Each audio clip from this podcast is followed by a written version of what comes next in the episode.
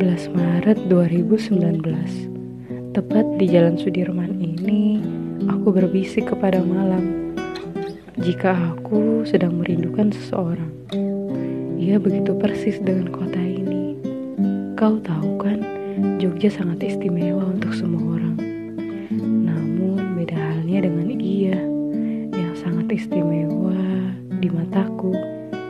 Aku tak mudah